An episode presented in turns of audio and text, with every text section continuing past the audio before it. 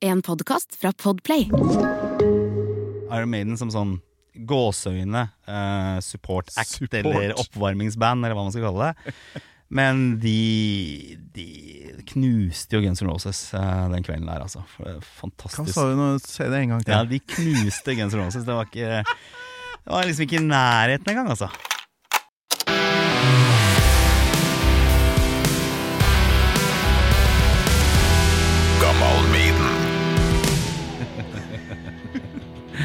Ja, Dette blir bra. Vi skal innom eh, Powertrip. Du har jo farske meg sett både Maiden og ACDC live nylig.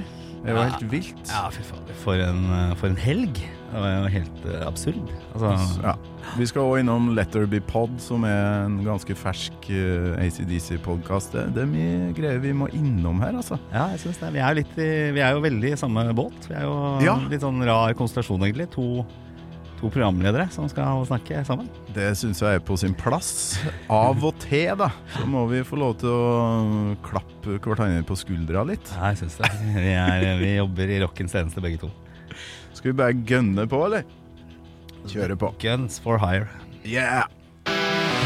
Gammal Maiden med Torkil Thorsvik. Gunnar Gundersen, hjertelig velkommen til Gammal Maiden. Ja, fy fader, for en ære, altså. Det må jeg bare si. Tusen hjertelig takk for at jeg ble invitert. En nobody som kommer i studio her. Etter all den stjernerekka du har hatt av gjester, så er det bare sitter jeg her. Og da er du kanskje langt ned på lista, men eh, tusen takk, i hvert fall.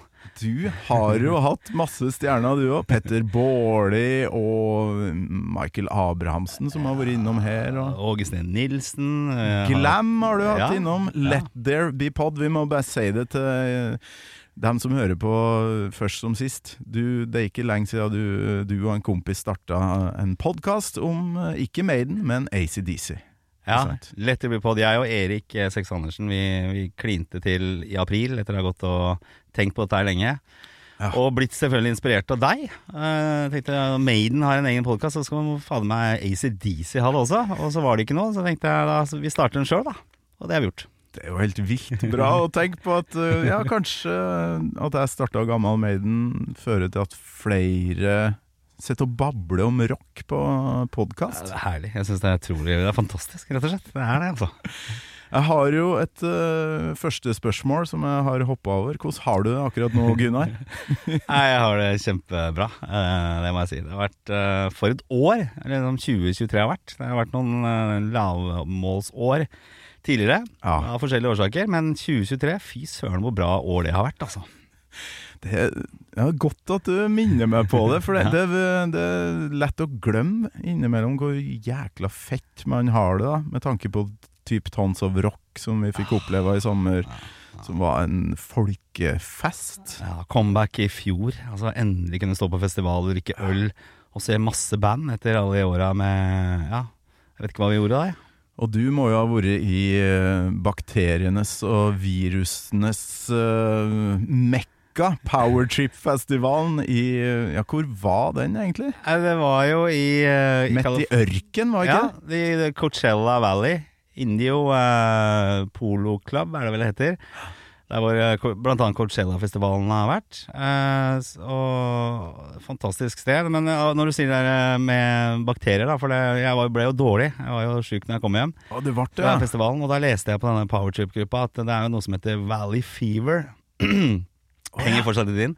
Eh, som mange har slitt med etterpå, da. Så jeg er ikke den eneste som har vært eh, dårlig etter festivalen.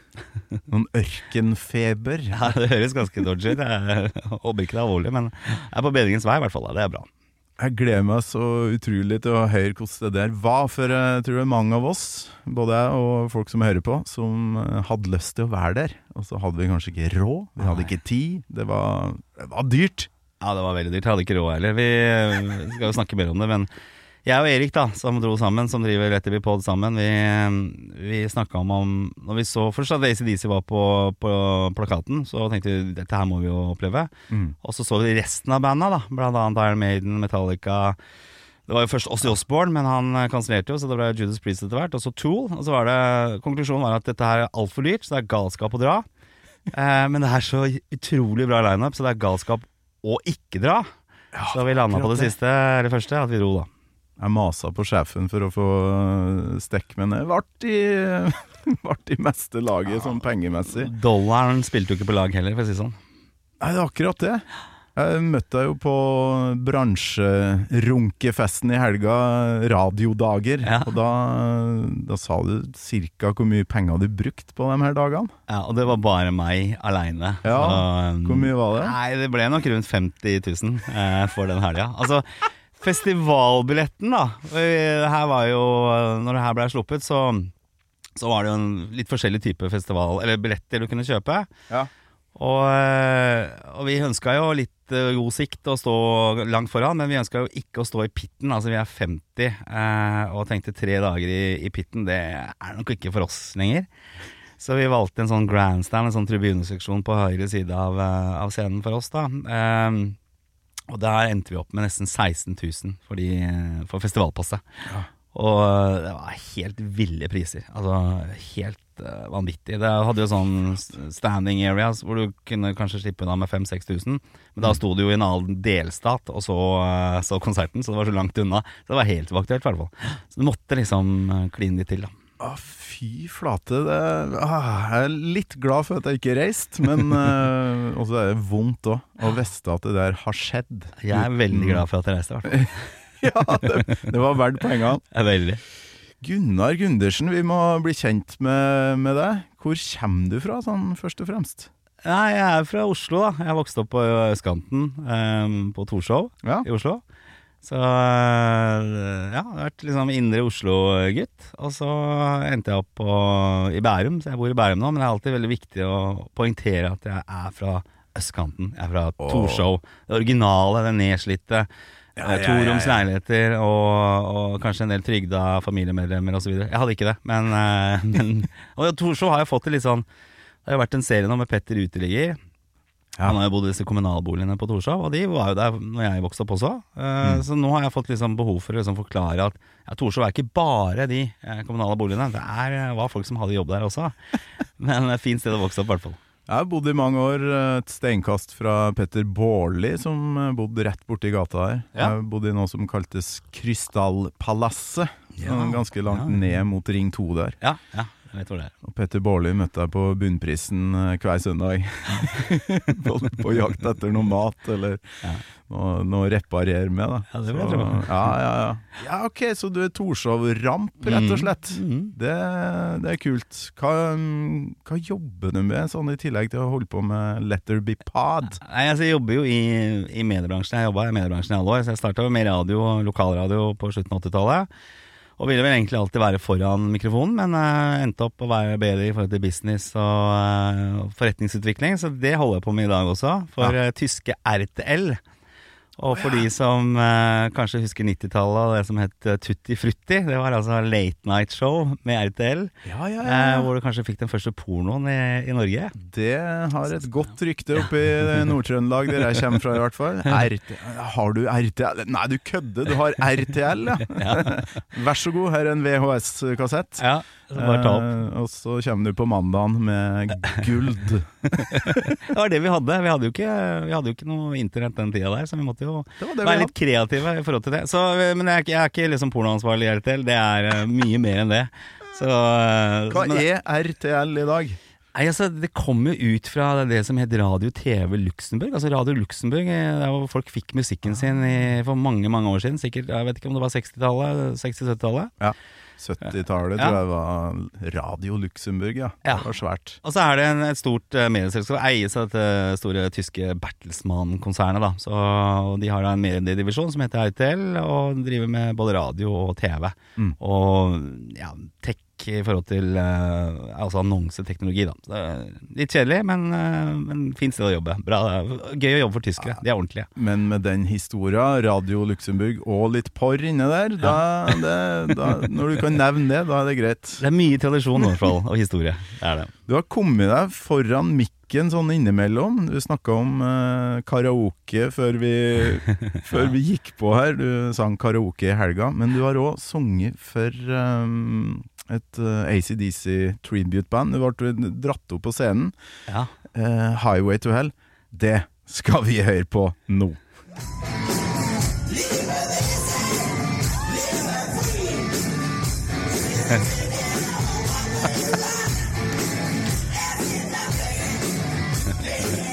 Du kommer opp, da. Det er høyt.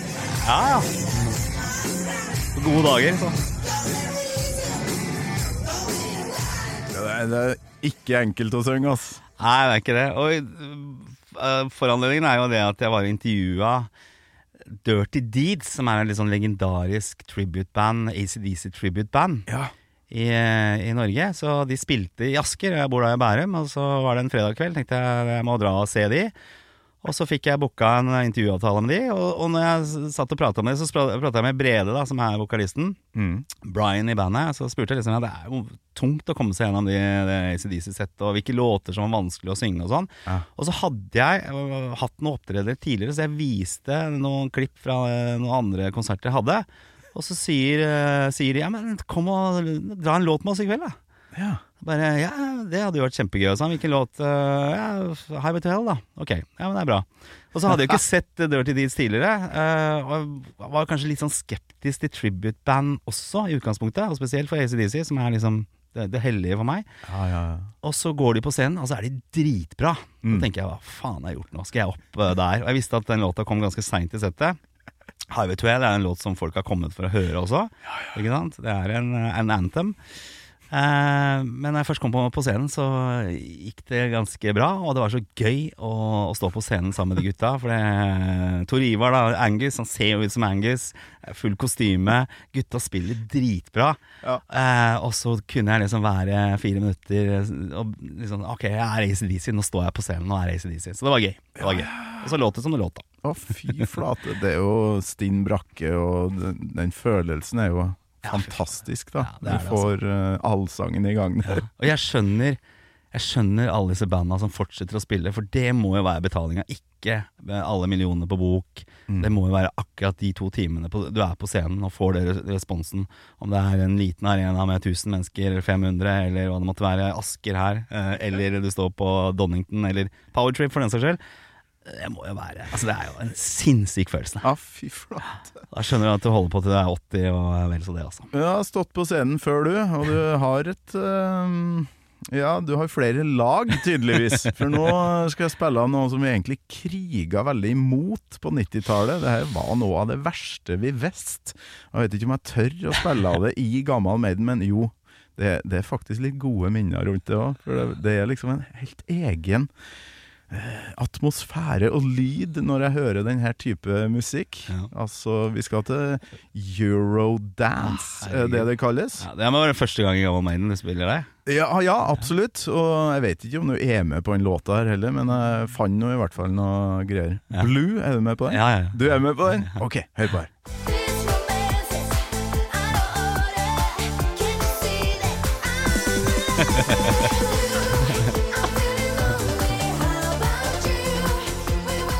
Ah, fy faen. Jeg vet ikke om det Ah, ødelegger ja, ja. imagen min eller til programmet, eller hva det måtte være her, men det her var eh, Ja. Det er en del av historien, så det må fortelles. Spilt synthesizer her, du da. Ja. Ja. Ja.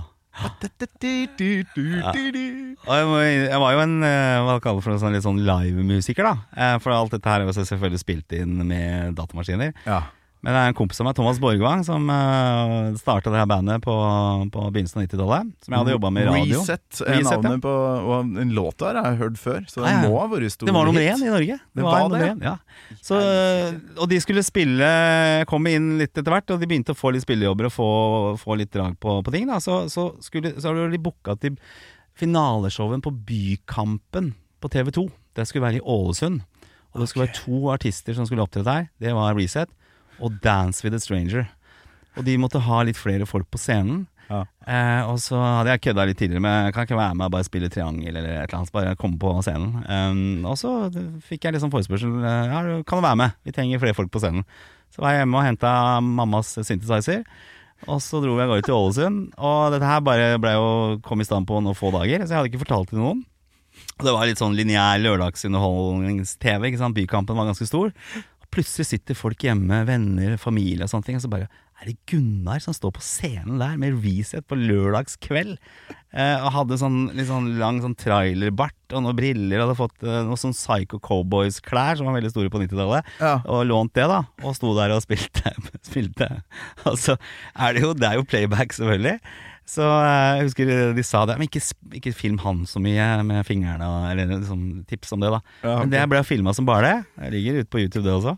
Eh, og så ble faktisk de fingrene med i, eh, i reklame, altså reklamefilmen for dette eh, albumet, da. Play, eh, med Reset. Og så var jeg med en del på konserter seinere, og avslutta vel karrieren der i 2000 på 17. mai Tønsberg. Var en sånn Tønsbergfestival, vet ikke om det er fortsatt.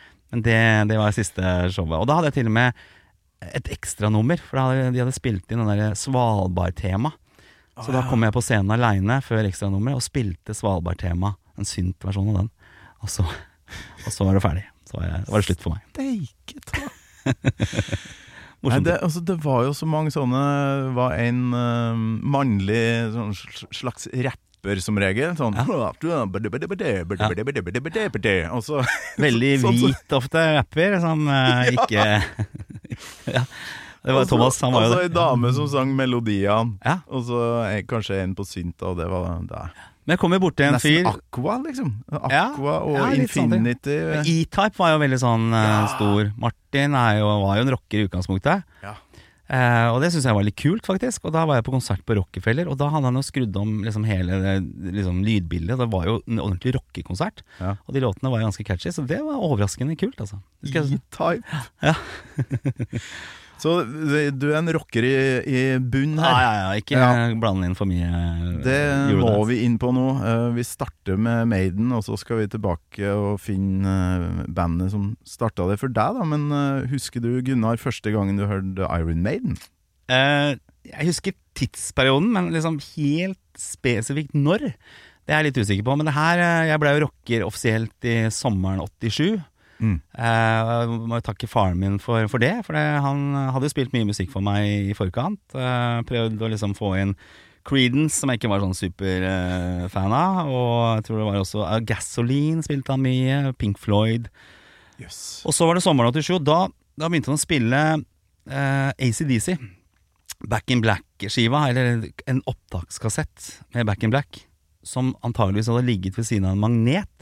Så det var mange sånn stille partier på den kassetten der. Så du hørte bare bitte litt av Back in Black, bitte litt av Shooter Trill osv. Men det var to hele spor, og det var uh, uh, Hells Bells og Let Me Put My Love Into You. Og den sommeren der, da satt rocken for meg. Og da var det jo Dras som kom uh, i ettertid, Ja. og da tror jeg Iron Maiden kom ganske fort etter det. Og jeg mener jo fortsatt at antageligvis var mitt eh, første møte eh, Live After Death. Fantastiske liveskiva. Å, fy flate. Eh, Det er bra ja. første Ja. date med Maiden. Ja, og så kom eh, vel Powerslave, eh, Summer in Time, eh, Peace of Mind også, selvfølgelig. Eh, Skiver som jeg kjøpte.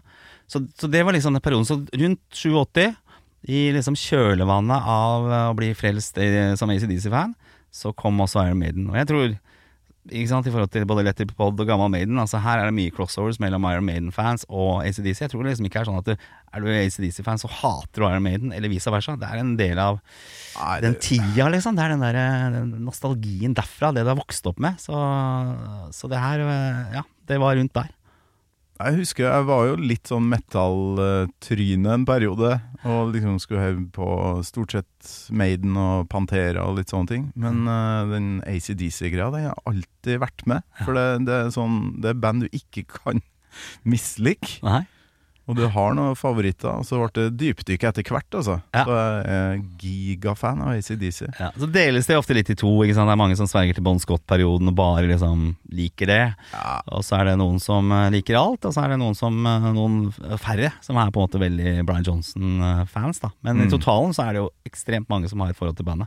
Og det er det som er gøy når man lager podkast også, som du sikkert vet også, er jo det at du finner så mye folk som har så mange minner og så mye connection til bandet, da. Det er så god prat alltid. Det er som å gå på en Ja, ja. festival og skravle musikk med folk. Det er samme når du sitter i studio med folk også. Det er bare super stemning. Ja, så det, er det så mye forskjellige innganger på det. Noen har jo så klart Run to the Hills var den første låta. Can I Play With Madness, ikke sant? Hit-låtene. Um, mens andre er en sånn Jeg har hørt Murders in the Rue Morgue med Paul Diano på vokal på radio, og da ble jeg hekta. Ja. Sånne ting. Ah, for noe sinnssyke øyeblikk da i livet til et menneske som kanskje har uh, ja, fått følga videre. Ja, og snakke litt om radio, for det var også viktig for meg på, på slutten av 80-tallet. Det var to eh, radioprogram som gikk litt sånn seint på kvelden. Det var eh, jeg lurer på om den ene var av Byradioen, altså det som var Radio 1 i, i sin tid. Så, og de hadde noe som heter The Rocker, med en fyr som het Frode Øyen. Han har vært gjest her, Ja. Det så jeg også. Fantastisk fyr. Han Ja. var tidlig ut med å spre Ja. den ekte mus musikken, da. Ja. Og så var det en til, det var Firehouse med Stein Bottilsrud. De to programmene starta litt seint på kvelden. Jeg fikk ikke lov å, å ligge oppe og høre på musikk. Eh, og vi bodde jo trangt da hjemme i Trøndergata da jeg vokste opp. Jeg delte jo rom med farmoren min, så det var ikke så veldig populært å ligge og høre på rock på, liksom etter klokka ti på kvelden. Så jeg lå med hodetelefoner, og så hørte jeg på, på disse, disse rockesendingene, og så kjøpte jeg jo alt. Eh, eh, som ble anbefalt der. Eh, gikk jo med avisen og tjente noen skarve kroner hver måned. Og da var det rett ut i platesjappene, og hang jo der mellom hver lønningsdag. For det, det gikk jo sikkert mange sånne, plate, sånne lokale platesjapper på, på nervene. Bare liksom henge og mase og kjase inn i platebutikker. Ja, ikke bruk penger i det hele tatt, nesten. Og så fikk jeg noen hundrelapper, og så var det rett inn og kjøpe. Og så, ja, da, da var det mye som ble dratt inn. Og så er du vokst opp i Trøndergata, det liker jeg godt. Det, Ja. Hver gang jeg gikk forbi der, så hm, Ja. Det fins Rett ved Soria Moria. Trøndergate! Det er lekkert. Når er du født, egentlig? Det, Jeg er født i 1973, så jeg ble 50 år. Så denne powertrip-turen var en 50-årsgave fra far til far. grattis med det! Ja, takk for det. Jeg er jo født fem år etter deg, så Mm. den derre at du ble hekta på ACDC og er på Maiden, det tror jeg er bare naturlig Ja. etter uh, når man er født, altså. Ja, for det ligger jo litt Jeg vet ikke om det er ti år unna hverandre. Maiden kom vel ut med første skiva i 1981, var det det? 80 var den første. Ja, ja. Så det er sju år øh, bak, da, på en måte. Ja. Så det er sikkert litt naturlig, det. Eh, men jeg tror, som jeg var inne på tidligere, at i den, den perioden der, da, så, kom, så var liksom alle disse store bandene. Og så var det jo liksom Ti skudd og alle a-ha og Duran Duran og alt det der man hata. Eh, men kanskje likte litt også. Vi litt om sånn Eller når vi var inne på Reset og Eurodance, litt sånn guilty pressures. Ja, ja, ja, ja. Men jeg skulle jo være rocker by heart, så det er først seinere jeg liksom kunne innrømme at jeg likte jo uh, Hunting High and Low med a-ha også, da. Og gjett om jeg har digga a-ha. Og jeg skal ærlig innrømme, altså, sjøl om jeg har hata eurodance-konseptet ganske kraftig opp igjennom, så jeg ble jævlig fascinert når Infinity kom til Namsos en gang og, og spilte den derre Og så bare det kokt i publikum, og bare hva faen er det som foregår? Ja, det var eh, Eh, Jeg jobba jo i veldig kommersiell radio, så jeg måtte jo få inn dette her, da, ikke sant. Eh, også. Så um, ja. Det var en krevende tid. Men uh, igjen så er rocker, ja. rocker Det ligger jo i bunn, da. Det er liksom fundamentet i all musikk. Ja. Blei jo danna i 87, da. Og så var det jo da Live After Death og eh, den fantastiske åpninga eh, med Churchill-talen. ja. Eh, husker Erik, vi spilte jo Access and Allies, dette brettspillet. Og da ja, skulle en sånn en? Ja, så skulle- Det var litt sånn nerdy, husker jeg, å gå fra Risk til Axis and All Allies, for Ja. det var litt sånn derre da, var du, da måtte du være litt mer intelligent, ja, jeg. ja, jeg var kjempedårlig. Så jeg, jeg var, ble vel Hitler hver, hver gang og tapte så det sang. Men Erik var jo, var jo da de allierte, og da spilte han alltid den åpninga til Aces High, eller Churchill-talen, da. Eh, før vi begynte å spille. Ja. Også Erik som er i, i podkasten. For å komme inn i tidsbildet ja, Ja, og høre Winston Churchill. Og så er det den rekka med, med låter på, på det albumet. Det er vel Aces High, og så er det vel Two Minutes to Midnight, og så kommer det Trooper som låt tre. Og så kommer jo denne låt fire, da, som satte seg litt fast eh, hos meg. Ja. Jeg visste jo ikke at det var Live After Death-versjonen du gjerne ville høre på her, men vi, vi får ta albumversjonen. Ja, du har hørt på den nå, eller? Ja, ja, ja, Ja. Fy Kjøpte flate. Og... En av mine favoritter da jeg var sånn 13-14 her, altså. ja. Helt rå. Revelations, så klart. Det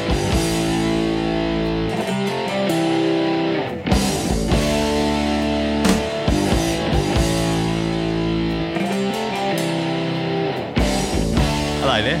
Ja, altså Skjønner at en ACDC-fan kan digge det her, da. Ja. Det er litt ACDC over det. Litt sånn, litt sånn Ikke det vanlige drivet i en Maiden-låt. I hvert fall ikke på den delen her, da. Så, Absolutt så det ikke. er eh, ja, det var et eller annet som bare satte seg fast eh, med Revelations. Som bare Shit, så bra, altså. Det er jo Dickinson som har skrevet alt, tror jeg. Altså musikken òg. Han, eh, han drar jo med seg ting som ikke er så veldig Steve Harris-aktig. Det, det er ikke alltid så mye galopp da når eh, Dickinson lager låta. nei, nettopp. Så det, det er nok han som har eh, hørt litt på ACDC her. Eller noe i, i samme bane, da. Men når det her kommer, så, så syns jeg jo òg det er et ACDC-aktig driv over det. Ja. eh, Det som kommer videre.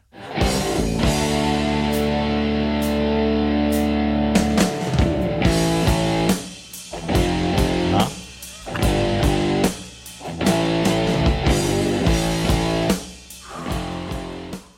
Det er noe med den litt enkle, simple ACDC-greia Ja. som gruver så jævlig. Ja.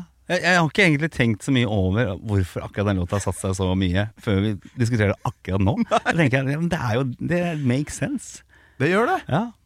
Fantastisk. Og så må jeg bare si, altså låta får jo et litt høyere tempo etter hvert. Og, men altså Bruce, Bruce Dickinson, hvordan han synger på den låta, det er altså helt vanvittig, altså. Helt vilt. Og det er jo faktisk Jeg, jeg fikk jo aldri albumet Live After Death. Jeg hadde den på VHS. Ja, og ja. der kommer jo Dickinson inn på scenen med gitar. Ja, ja. Ja da. Dere- Så da er det tre gitarister i Maiden en stakket stund uh, for første gang. Og så ble jo det en uh, fasit da etter år 1999. Men uh, da spiller en riffet bare sånn finger... Ikke fingerspill, jeg tror han bruker plekter. Han Ja. spiller dururdir, dururdir, sånne treklanger.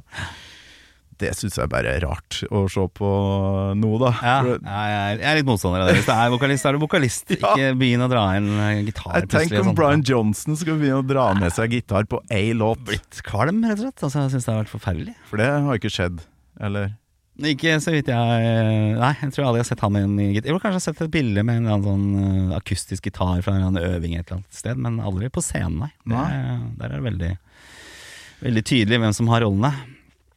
Ja, det er et rart øyeblikk i Maiden-historia. Men for, eh, for et album å begynne med, for da får du alt Maiden handler om på ett album, egentlig. Ja. For, eh, hvis folk begynner med en eh, Killers eller førstealbumet, eksempel, så bare Å! Og så oppdager de at det er noe mer der. Men på Live After Death så skjønner du hva bandet er. Det er jo en parade. Hvis de hadde dratt det settet eh, på eh, en konsert nå, så det, alle hadde jo fått det de ville ha, vil jeg tro. Altså, I hvert fall mesteparten av det. Det var jo det gri, første ordentlige grineøyeblikket mitt på Maiden-konsert. Da kjørte de nesten tilnærma Live After Death da, på, i 2008, Ja. tror jeg det var, på Valle Hovin. Det var helt sjukt. Jeg havna jo på den konserten som var i, på Valhall i 2006. Ja. Eh, den eh, ah, Hva het den, eh, den eh, turneen der hvor de spilte hele ja. eh, albumet? Krigs, eh, krigsalbumet, var ikke det? Ja. A Matter of Life ah, and Death. Matter of Life and Death, ja, stemmer Yes. det. For jeg fikk billett samme dag av en kompis, og så tenkte jeg shit, det har jeg lyst til å, å få med meg, da. Ja. Det var første Iron Maiden-konserten, og da er vi jo liksom på 2006, tror jeg det var. Det er bra Ja. å, å høre den, da. Det Ja. han spiller bare nytt. Og Så- noen hits på slutten, kanskje? Ja, de, de dro til liksom med Two Minutes og Jeg tror Fair of the Dark var liksom første låta. Det var låt 11. Ja, okay. Eh, så jeg sto jo der og hadde jo ikke lest noe om settlista, ingenting. Og så bare kom den ene låta. Og jeg hadde ikke helt hørt uh, nye album heller. Så jeg skjønte jo ingenting. Jeg bare, Hva er dette for noe? Jeg kan jo såpass mye Maiden, men det her er helt uh, Jeg skjønner ingenting. Og så kom det jo noen låter på slutten, og så fikk jeg høre at uh, ok, de spilte hele. Ja, ja. Det er breialt å gjøre det, altså. Ja, det er kult. Det er sånn som ACDC aldri kunne ha gjort. Det er sånn, og det syns jeg er litt kult med Maiden. da Mm. At de bryter opp settlista, liksom er litt, har litt fokus på album. Og Ja. eh, Sånn som nå på siste turné. eh, Helt fantastisk eh, settlist. Plukker fem, frem låter fra Somewhere in Time. Altså, helt utrolig. Så det er kult med, med Maiden, at de gjør de konseptgreiene. Det ville liksom aldri ACDC ha gjort. Nei, se for deg dem går gå på scenen og spille hele Fly on the Wall, og så Ja, da tror jeg det, det er jo noen i salen da som hadde kommet til å høre liksom uh, Shook Me All Night Long og Back in Black som var skuffa. Og det er vel det de sier også, at de ønsker å nå de Altså det folk vil ha, da. Ja, ja, herre jemini. Det er mye Jeg har jo noe som heter Ukas kassett i ettermiddagsshowet mitt. da Og Ja. Da drar vi jo fram sånne ting, Fly on the Wall, og finn eh, snadder som eh, man har glemt, da fordi man har et ganske dårlig rykte, det albumet der. da Ja. Fly on the Wall, liksom. øh, ingen som hører på det. Men så, ja, så er det jo noen låter der som er helt konge. Ja, ja. Og hvis du går på alle sånne forum eller på, på Facebook eller hva det måtte være, så blir jo det ofte dratt fram som sånn undervurdert album, da. Ja. Det og Flick of the Switch, eh, egentlig. Det er ACDC sitt No Prayer for the Dying. Ja, kan godt det, det. Det er fra 1990. Ja. For det er sånn elsket og hatet. Ja, vi har jo i, ja, I podkasten vår så har vi noe som heter Deep in the Hall, som en sånn siste del av, eh, av podkasten. Og det er en, en eh, bortgjemt låt på Flick of the Switch-albumet som heter Deep in the Hall. Og så har vi Så der så så er det vi og gjester De drar fram litt sånn obskure låter som er ganske langt nede i, i back-katalogen. ja. Vi har ikke vært noe på Fly on the Wall ennå, men det kommer helt sikkert låter derfra på den, den, eh, den lista der. Men da har vi dratt fram mye rart, da. Det skjer jo, det. Men uh, vi snakka om Dickinson. Her Ja. er Mr. eh, Brus. Oh God, I that top down and I cry.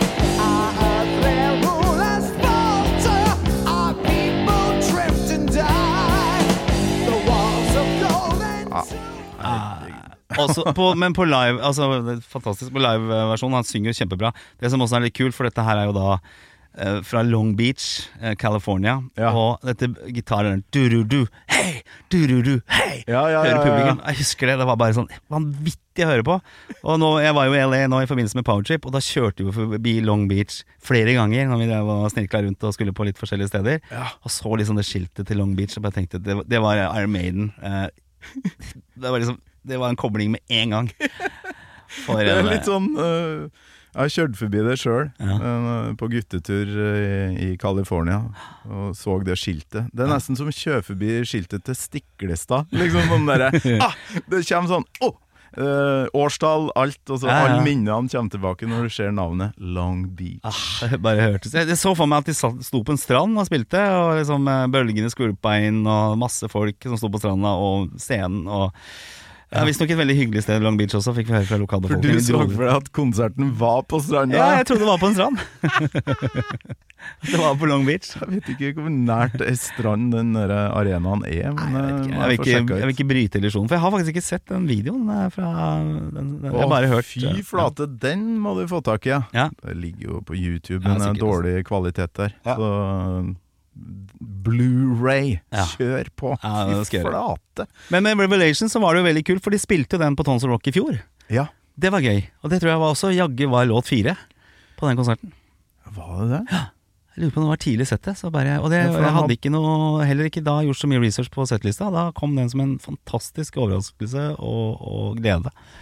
Det, altså, det var et tåreøyeblikk, da. For det er sånn der Live After Death. Ja. Sett den en milliard ganger etter skolen hver Og så har du da, og da snakker vi jo nesten 40 år etter at eh, Bruce Dickinson sang den på Long Beach. Mhm. Og så hører du Bruce Dickinson anno 2022 da. Det er jo ikke noe mulig å høre noe forskjell. Nei. Han synger fortsatt vanvittig bra. Og bare, eh, nei, det, Han hadde ikke gitaren, da. nei, det hadde han ikke.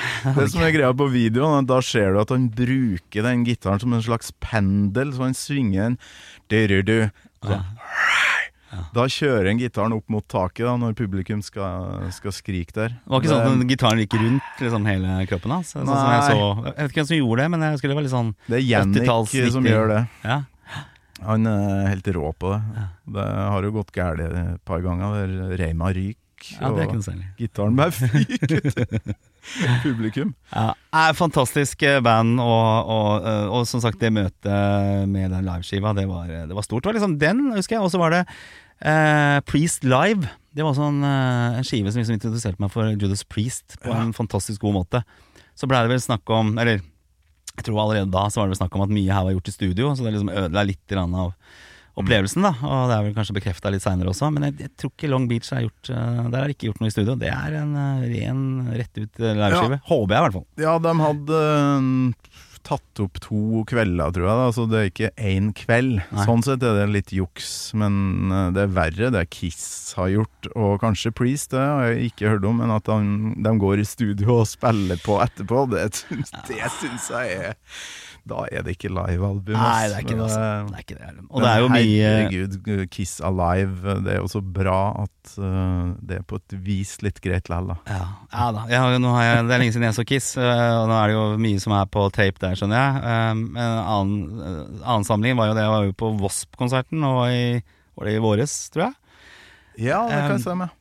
Og på Rockefeller, og, og det låt jo kjempebra. Og øh, så sier gutta, da, Erik blant annet, som øh, er i podkasten, at uh, her er det mye på tape. Altså, Blackie Lawless uh, synger ikke mye sjøl. Mm. Så sa jeg nei, jeg tror ikke det. Det høres jo bra ut, dette her. Og så var vi på Kniven eller et eller annet sånn etter, eh, etter konserten, og så kom vi i prat med en fyr som hadde Jeg tror han hadde sett Wasp 40 ganger eller sånt. Da. Så sa jeg til han ja, det var ikke mye tape her i dag. Jo, alt var på tape her i dag. han hadde sett dem 40 ganger, så jeg tenkte ok, greit, da skriv meg. Og, Ja, Blackie Lawless har jeg jo sett på den derre Crimson Idol-jubileumsturen og på Tons of Rock. Ja. Begge gangene var det masse juks, men han søng litt oppå, så hører du det der gam gode, gamle primalskriket, og den blandinga der syns jeg faktisk ja, for det er vel primalskrikene som kanskje han sliter med i dag, da. Ja. Litt sånn som Axel Rose også har jo litt utfordringer når han skal liksom opp på de Han- registrene. Han burde ha gjort det som Blackie Lawless gjør. ja, ja. Faktisk. For det syns jeg Ok, greit. Du er gammel, du har stått og skrekket på scenen så mange ganger at det det er greit. Ja. Juks litt du, istedenfor at vi skal høre på jamringa, for det Men hvorfor er det sånn at eh, Bruce Dickinson eh, synger jo på en veldig krevende måte, han også. Ja. Men han bruker vel stemmen mer riktig enn f.eks. Axel Rose eller Brian Johnson, for den saks skyld. Og kanskje Blackie Lawless også, siden det er mye skriking der. Jeg tror det Hvorfor klarer han det liksom Han har vel hatt strupekreft og gått gjennom mye annet uh, greier også, men Ja. allikevel så låter han så vanvittig bra. Alle tror jo, meg inkludert, så jeg trodde jo at uh, her er det um, mange timer med, med lærer, og at den er liksom utdanna og varmer opp masse og sånt, for det er jo mange som gjør. Eh, Ifølge biografien hans. Eh, Han har lest litt på biblioteket om, om sang, Ja. og så har han eh, aldri varma opp før Nei. en konsert. Så han er bare født sånn, han. han Ja, og teknikk, da. Ja. Det der med å lære seg å kjenne etter om hvis, hvis jeg gir det lille ekstra nå, så ødelegger jeg stemmen for i morgen, da. Ja. Så da holder han heller tilbake, og det hører du på Live After Death. På Aces High, for eksempel, så, så kløpper han jo litt, og, Ja. og går ikke helt eh, opp i toppen. Kunne ha gjort det, men han gjør det ikke, for da vet han at da holder han ut konserten. da Ja. Så han, ja, for det er krevende låter. Jeg har jo testa ut å prøve å synge The Trooper uh, med, med band på øving, og det kan jeg bare glemme. Bare glemme. det. Helt Nei, det funker ikke. Går for fort, er for høyt, det er for vanskelig. Ja. Jeg sang eh, en god del låter fra Fair of the Dark-albumet i band Mm. uh, da jeg var 14, og det, og det funka. Wasting Love og mm, Ja. Holy Smoke fra No Prayer og masse snadder som faktisk gikk an for en 14-åring, da, men han er jo faen meg 65 år nå. Ja, det er, Står det er helt eh, begripelig, altså. Så nei, det var, det var Og var, jeg fikk jo sett Iron Man da for tredje gang bare, eh, under Powertrip. Eh, men for en, for en konsert, for en start, for det var jo dag én Ja. på festivalen. Eh, det var jo da det, Også samme dag som Gunsen, hvem var det som åpna? Ja, det var jo Det ble jo liksom diskutert av hva er det som er hvem åpner, og så er vel Guns N' Roses antageligvis regna som større, og i hvert fall større i USA. Absolutt. Så de ble jo satt uh, sist på plakaten, og så var det da Guns N' Roses uh, Nei, Iron Maiden som sånn gåseøyne uh, support act, Support. eller oppvarmingsband, eller hva man skal kalle det. Men de, de knuste jo Guns N' Roses eh, den kvelden der, altså. Er Hva Fantastisk. sa du nå? Si det en gang til. Ja, de knuste Guns N' Roses. Det var ikke Det var liksom ikke i nærheten engang, altså. Helt, uh, helt utrolig. Altså, og, fantastisk sett. Jeg er jo veldig glad i Summer in Time-albumet også. ikke sant? Å få liksom de to dragerne helt i starten der. Med, med Caught Somewhere in Time og Strange in a Strange Land. Det er jo to låter jeg syns er fantastisk bra. Altså Alle de fem som er lagt i settet der, er jo utrolig bra. Uh, Og så spiller de liksom De spiller det de skal. Guns N' Roses spiller i tre timer. De, de har for mange låter. De har en syltynn backkatalog eh, med egentlig tre album som det er nå å snakke om. Eh, eller kanskje Masse to. coverlåter og drit. Hva, Ja. hva er poenget med det? Ja. De kunne faktisk ha spilt eh, ja, masser fra Appetite og Lies, ikke minst. Ja, absolutt. Det er mye sånn coverlåter. Litt sånn stein i glasshus, for de har jo spilt en del eh, ACDC-coverlåter også, da. Ja. Blant annet Walk All Over You fra uh, Highway, Hell, um, Highway to Hell-albumet, som har vært uh, litt sånn overraskende valg. Men, Jo, men de, de spilte ikke den der, men But spiller why? Nei, Altså, jeg skjønner ikke. Nei, Jeg skjønner ikke. vokalisten står der og sliter. Hvorfor skal du bruke opp stemmen på låter du ikke har laga sjøl? Ja, men det- det virker jo sånn De, de spiller jo selvfølgelig de litt krevende låtene også, men mange av disse coverlåtene ligger jo litt lavere i registeret, så jeg tror Ja. det er for å spare han, rett og slett. Mm. For nå synger ikke Axel bra. Han har en slags sånn rar sånn falsett han har lagt seg til, som hører mer ut som Mickey Mouse enn som liksom den raspete, deilige Appetite for Destruction Uh, tror, You Could Be eh, Mine. Uh, Jeg tror han har vært til en eller annen uh, sanglærer Ja. og fått beskjed om at det her går ikke. Du er nødt til å, å synge falsett. ja. Så gjør han det, men med, feil teknikk Ja. eller for dårlig trøkk. Det er Ja. ikke noe trøkk der. Det er ikke noe trykk. Jeg ja. så jo de når de eh, holdt på å si dette comebacket da, og Slash Brem og sånn. Det var vel i København i 2015. Det låt jo dritbra. Ja, da var jeg jo der. Parken. Ja, Yes. Kjempebra. Leverte bra. Fortsatt en lang konsert, men dritbra. Og så selvfølgelig, når han uh, steppa inn for Brian for, uh, som vokalist i ACDC, så så jeg og Erik de i, i London.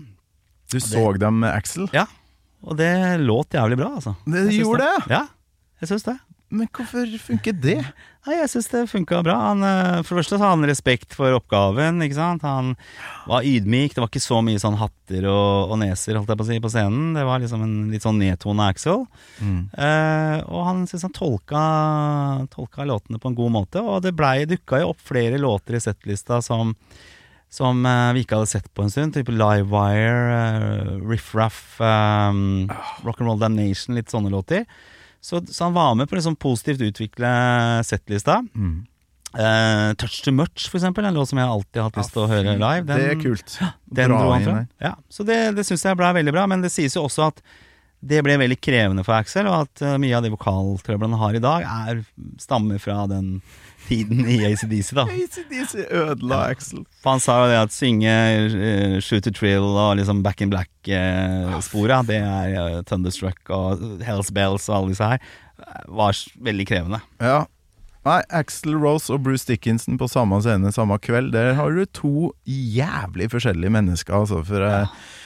det gikk opp for meg i helga eh, Når du er på Facebook, så kommer det alltid noe sånn derre Music history, bla, bla, bla. Og de delte jo scene med Metallica sånn eh, rundt den der Black Album og Use Your Illusion-tida. Ja.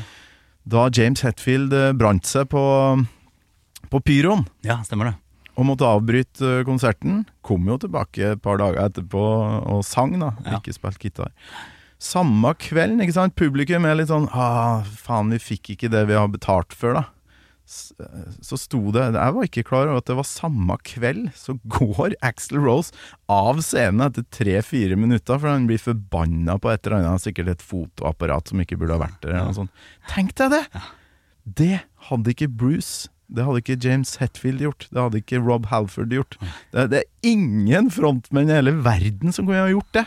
Bortsett fra Axel Rose. Å, fy faen. Men jeg tror ikke de kunne holde- McKagan slash alle de andre der, men Axel har jeg trøbbel med, altså. Ja, jeg- men jeg tror, har jo, han har jo skjerpa seg, og jeg kunne jo ikke holdt på sånn i dag. Eh, tror jeg, da. Nei, sant? nei. Han har jo blitt voksen, han også. Han er jo over 60 mannen, så han har vel også kanskje til og med vokst opp sjøl, men, eh, men eh, måten de holdt på på en, eh, en periode der, var jo ikke bærekraftig. Nei, men det var jo ikke bare det at de tapte penger på det og sånt, det var jo farlig, for det ble jo riots. Masse folk som måtte på sykehus.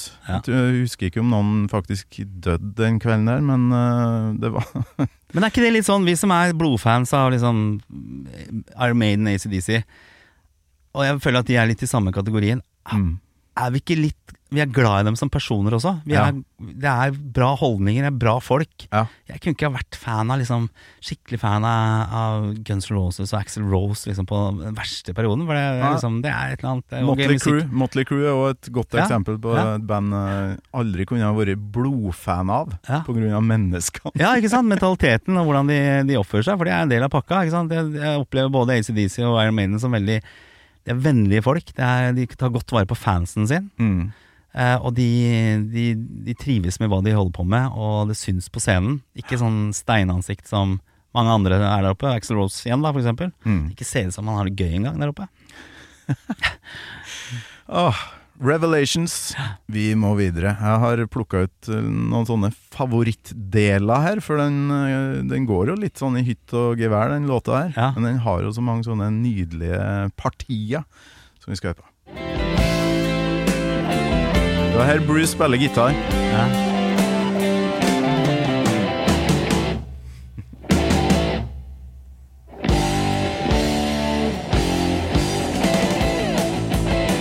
Ja, den er deilig. The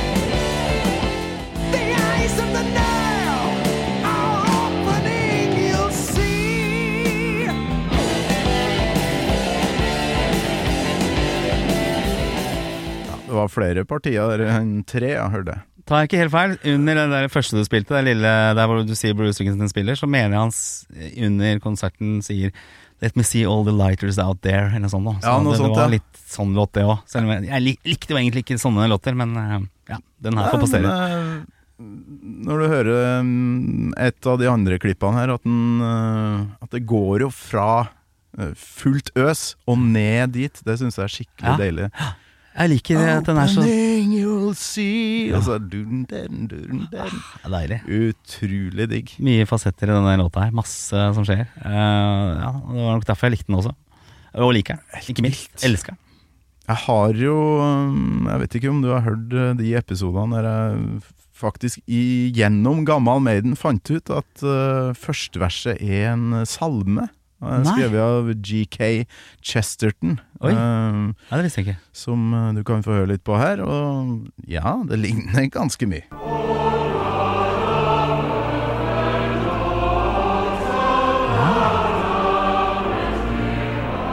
Teksten òg, vet du. Ja.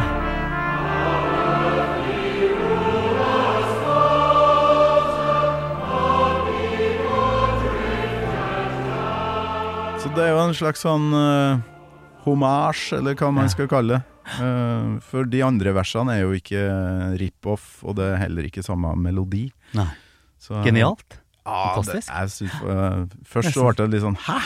Litt sånn svik. Hæ, er det ikke han som har laga den nydelige melodien? Men så hører du resten av låta, og så er det jo Ja, Det er ikke en ren cover, i hvert fall. Det er det ikke. Det er ikke en Jeg mangler den trompeten som du hørte i bakgrunnen her. Kanskje den kan ta med seg neste gang de, de spiller her. Men eh, ja, er fantastisk låt, altså. For mange, masse elementer. Og nå har jeg fått eh, ja, ny, ny viten om låta, som gjør denne her mer interessant. Ja, ja, ja. You're listening to a podcast. I'm Bruce Dickinson. You're not. And you're listening to Gamal Maiden.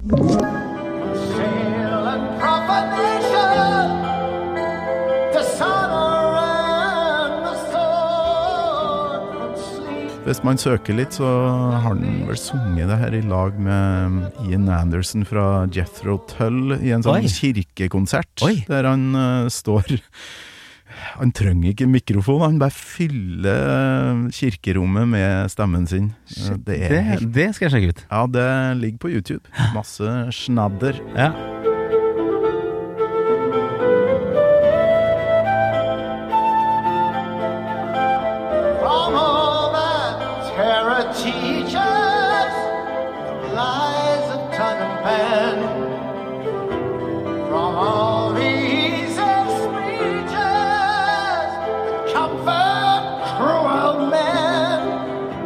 For ei avslutning, vi må høre eh, slutten på Revelations. It is you.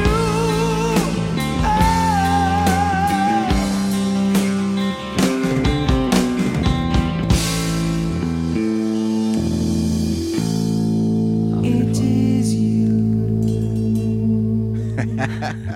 For en reise, den låta her. Ja! Et lite eh, hallo fra Nico McBrain på slutten. Ja. Hvor, hvor, hvor står denne låta for deg, da? Du som er eh, Nei. blodfan. Fra den der tida der eh, Maiden var nesten hele livet mitt, Ja. så var jo den her sånn topp tre. Ja, ja, ja på Live After Death, som jeg Mm. så daglig. Ja. Rett hjem med den røde saccosekken min. Eh, fram med noe blingser med Nugatti på, og så flekke på Live After Death. Jeg så jo eh, denne Brutter'n kommer med der Use Your Illusion, eller den Tokyo-konserten med Gunsen, og skulle krangle den inn i VHS-spilleren. så ja. Jeg var enebarn, så jeg kunne ture fram som jeg ville. Men jeg husker jo den Donington-videoen, den gikk jo ganske mange runder. Ja. Uh, ACDC 91. Donington 91, ja. Det um, oh, Hva heter han trommisen der som ikke har hår? Uh, Chris Slade. Chris Slade, ja. ja.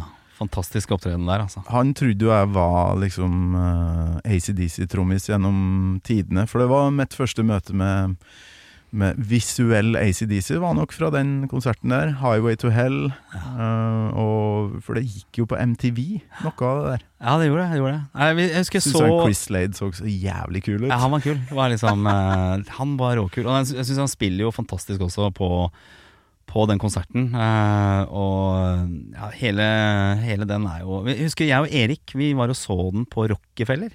For Da satte de opp den på Rockefeller, så det var jo nesten som å være på en konsert der med skikkelig lyd og den storskjermen. Og se den Donington-konserten. Det er en av de største ACDC-øyeblikkene, altså. Hvor mange eh, konserter med dem har du sett, da? Når jeg så de på Powertrip nå i, i 7. oktober, eh, så var det 20. gang. Så det er litt sånn internkonkurranse mellom meg og Erik, fordi han har det var hans 19., så jeg leder med én konsert. Han har vært på én jeg ikke har vært på, mens jeg har vært på to han ikke har vært på. Jeg var blant på bryllupsreise i Sydney og så de der i 2015. Så jeg kan røpe at uh, kjærligheten og, og, og forholdet til ACDC er fortsatt der, men dette bryllupet og ekteskapet, det, det er over. jeg vet ikke om det var pga. ACDC-konsert i Sydney, men, eh, men det er i hvert fall over.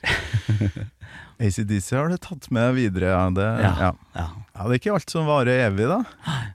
Er det er det noe band du har slått opp med opp igjennom? Sånn derre Uh, som bare sånn Ikke faen om jeg skal like det her noe mer.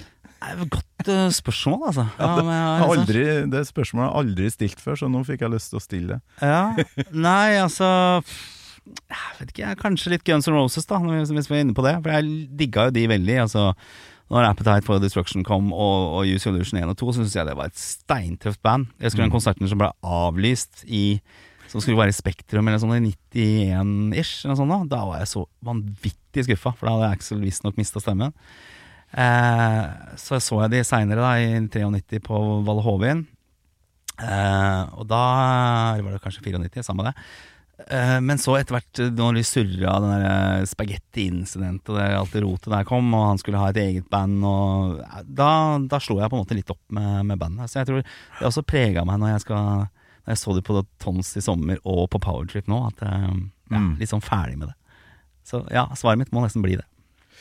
Ja, jeg prøver å komme på noe sjøl. Ja. Det er ikke så mange der, altså. Kanskje Ugly Kid Joe, som jeg hadde en eh, crush med en sommer. Ah, ja. ja, de hadde jeg aldri noe forhold til, så det, er mange band som ikke har hatt noe forhold til. Så den lista er lang. Men eh, det er de, de som åpenbart er som 87-88, de sitter fortsatt godt, altså. Det nærmer seg slutten her, men eh, ta oss gjennom powertrip-opplevelser. For det Jeg syns jo det lukter litt sånn gigantomani her, at man skal tjene jævlig mye penger på kort tid, og at man eh, Jeg håper ikke at rockefestivaler skal bli sånn fremover. Nei, helt enig. Og det er et godt poeng, Torkel. Fordi at uh, vi opplevde at det var litt sånn middelklassen som var, eh, var der. uh, I og med at det Ja. var såpass dyrt. Røkla har jo ikke råd til dere. Nei, så, så ja, det ble altfor dyrt. Selvfølgelig med den uh, lineupen. Den var sikkert ikke billig. Produksjonen var helt vanvittig. Mm. Eh, men de solgte vel ikke ut der. Altså, det var vel snakk om at det var ja, 70 000 eller noe sånt, nå, men jeg tror kanskje de hadde hatt håp om å selge en del titusener mer. Eh, når, første kvelden der, når vi vi bodde jo Palm Springs, og Indigo det er jo da ikke så langt unna. Så vi tok en shuttlebuss fra Palm Springs til, til konsertarenaen. Og når vi kom fram, så var alle de som hadde ståplasser, da, de ble oppgradert til sitteplasser. Ja. Eh, når de kom av, Bare for å liksom fylle opp eh, framover, tenker jeg. Og det, det var det mange som opplevde. Så det, ja, det blei veldig stort. Eh, som sagt, vi så jo galskapen i å både dra og ikke dra, så vi, vi dro jo. Og totalt sett så syns jeg det var ekstremt kult. Eh, vi fikk jo både sånn turistdelen i LA i uka før, hvor vi var på Whisky Go-Go, og vi var på Rainbow Bar and Grill og poserte ved Lem i staten osv. Og så eh, dro vi ned dit, og bare hele området, hele stemninga, eh, midt inne i ørkenen der, med disse fjellene rundt. Fantastisk bra. Guttetur numero uno, da. Ja, Altså, og så sparker i gang med Iron Maiden. på det der. Nei, nei, det, det, nei, det er guttetur. Og så, og, men det var ganske forskjellig både, Og det som overrasker meg også, det er liksom aldersspennet der. At det, det er ganske ungt, egentlig. Ja. Eh, Litt sånn som jeg tror Mats Martinsen i Tonsor Rock Han sa vel noe sånn som at snittalderen på Tonsor Rock var 27. Uh, og jeg tror det er bare gamlinger som går der, sånn som oss. Men, eh, og sånn var det her på Powerchip også. Ganske mye forskjellige aldersgrupper og mye unge folk, da. Det er jo helt Eh, vilt bra, da. ja, veldig bra. Og så kommer den lørdagen. Først Judas Priest, fantastisk eh, konsert. Eh, Men jeg klarte ikke å leve meg helt inn i det, for jeg venta jo på ACDC. Og så kommer ACDC på. Fet eh, bilvideo som intro. Og så drar de i gang med If You Want Blood. Og så kjører de 24 låter. Riff Ruff, Sin City Altså deler settlista 12-12 Bon Scott, eh, Brian Johnson-låter. Og bandet låter bra. Altså klart De er eldre, og Brian Johnson, 76 år, er jo Det er krevende å synge Shooter Drill, men eh, han kom seg hele gjennom det. Så vi konkluderte da med at det var bærekraftig for, eh, for mer fra ACDC. If You Want Blood som eh, åpningslåt, da hadde jeg også Jeg så den på YouTube, og da kom tårene. Ja. Det er noe med den videoen som går først, og så tusler Angus Young eh, med borti kjempegrå i luggen. ja så han klart. farger ikke håret sitt lenger, så han er grå. Det, det er bra. Ja. Ekte. Ja, og Ja. Brian Johnson litt mage, og, men eh, så ut som han koste seg så vanvittig på scenen der. Altså. Det var comeback kid. Det var liksom Ja. Nå er jeg tilbake. Nå er jeg vunnet over eh, alder og hørsel og det ene og det andre. Jeg har eh, klippet ut eh, Det er jo ræva lyd på det her, men bare for å få litt sånn følelse av eh, hvordan det var. Litt sånn lyd fra Powertrip her. Ja. Eh, og der er det jo et par favoritter som du allerede har nevnt.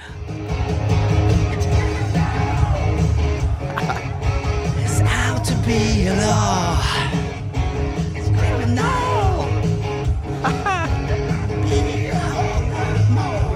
jager på oss! Ah. Du satt ikke på setet når den her kom? Nei. Riff raff!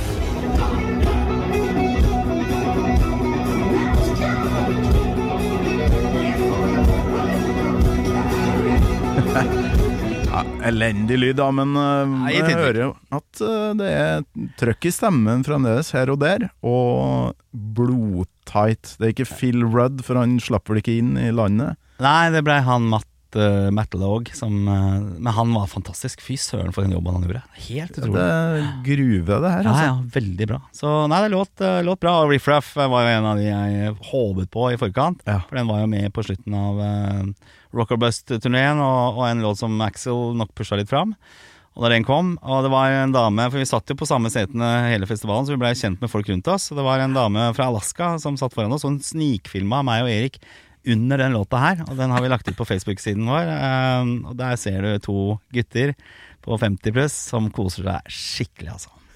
Det kan jeg tenke meg. Jeg skulle så utrolig inderlig ha vært til stede der, i lag med dere. Ja. Både under Maiden og ACDC. Og så var det jo Metallica siste dag med Tool som oppvarmingsband, og da Ja. var det lite, lite igjen på tanken. Altså. Så jeg må innrømme at jeg sovna under Tool.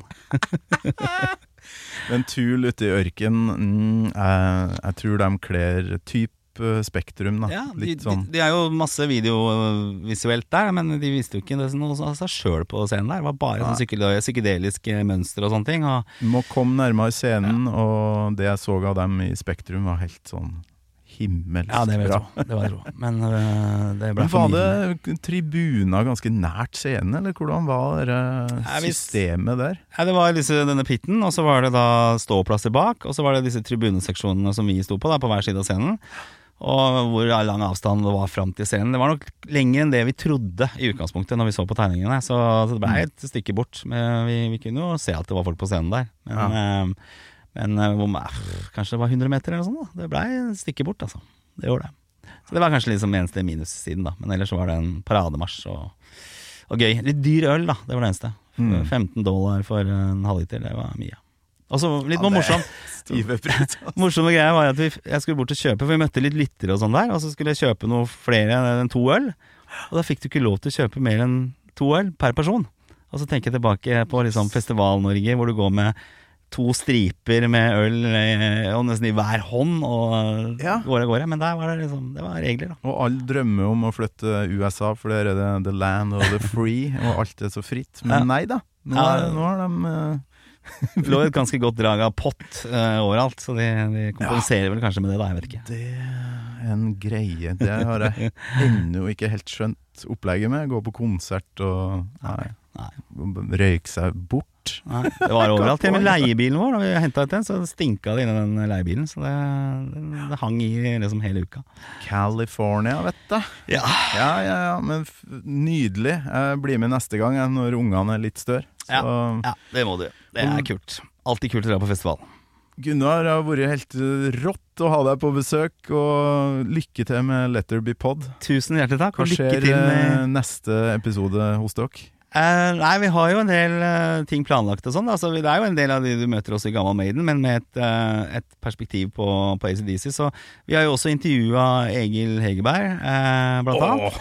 det skal jeg høre. Ja, han er jo, var jo ikke noe særlig Iron Maiden-fan, og om han var noen større ACDC-fan, det vil vi jo høre når han, han åpenbarer seg. Men, Han var flink til å dra fram noe snadder fra Virtual Eleven da han var på besøk her, så jeg lo jo godt når liksom, han legger vekt på Blaze Bailey-perioden, liksom. Det, det var jo utrolig morsomt. artig fyr, det òg. Gunnar eh, Gundersen, hjertelig takk for besøket. Hjertelig takk for at jeg fikk komme. Det var veldig hyggelig. Lykke til videre med Gammal Maiden også. Tusen takk. Gammal Maiden med Torkel Thorsvik. En podkast fra Radio Rock.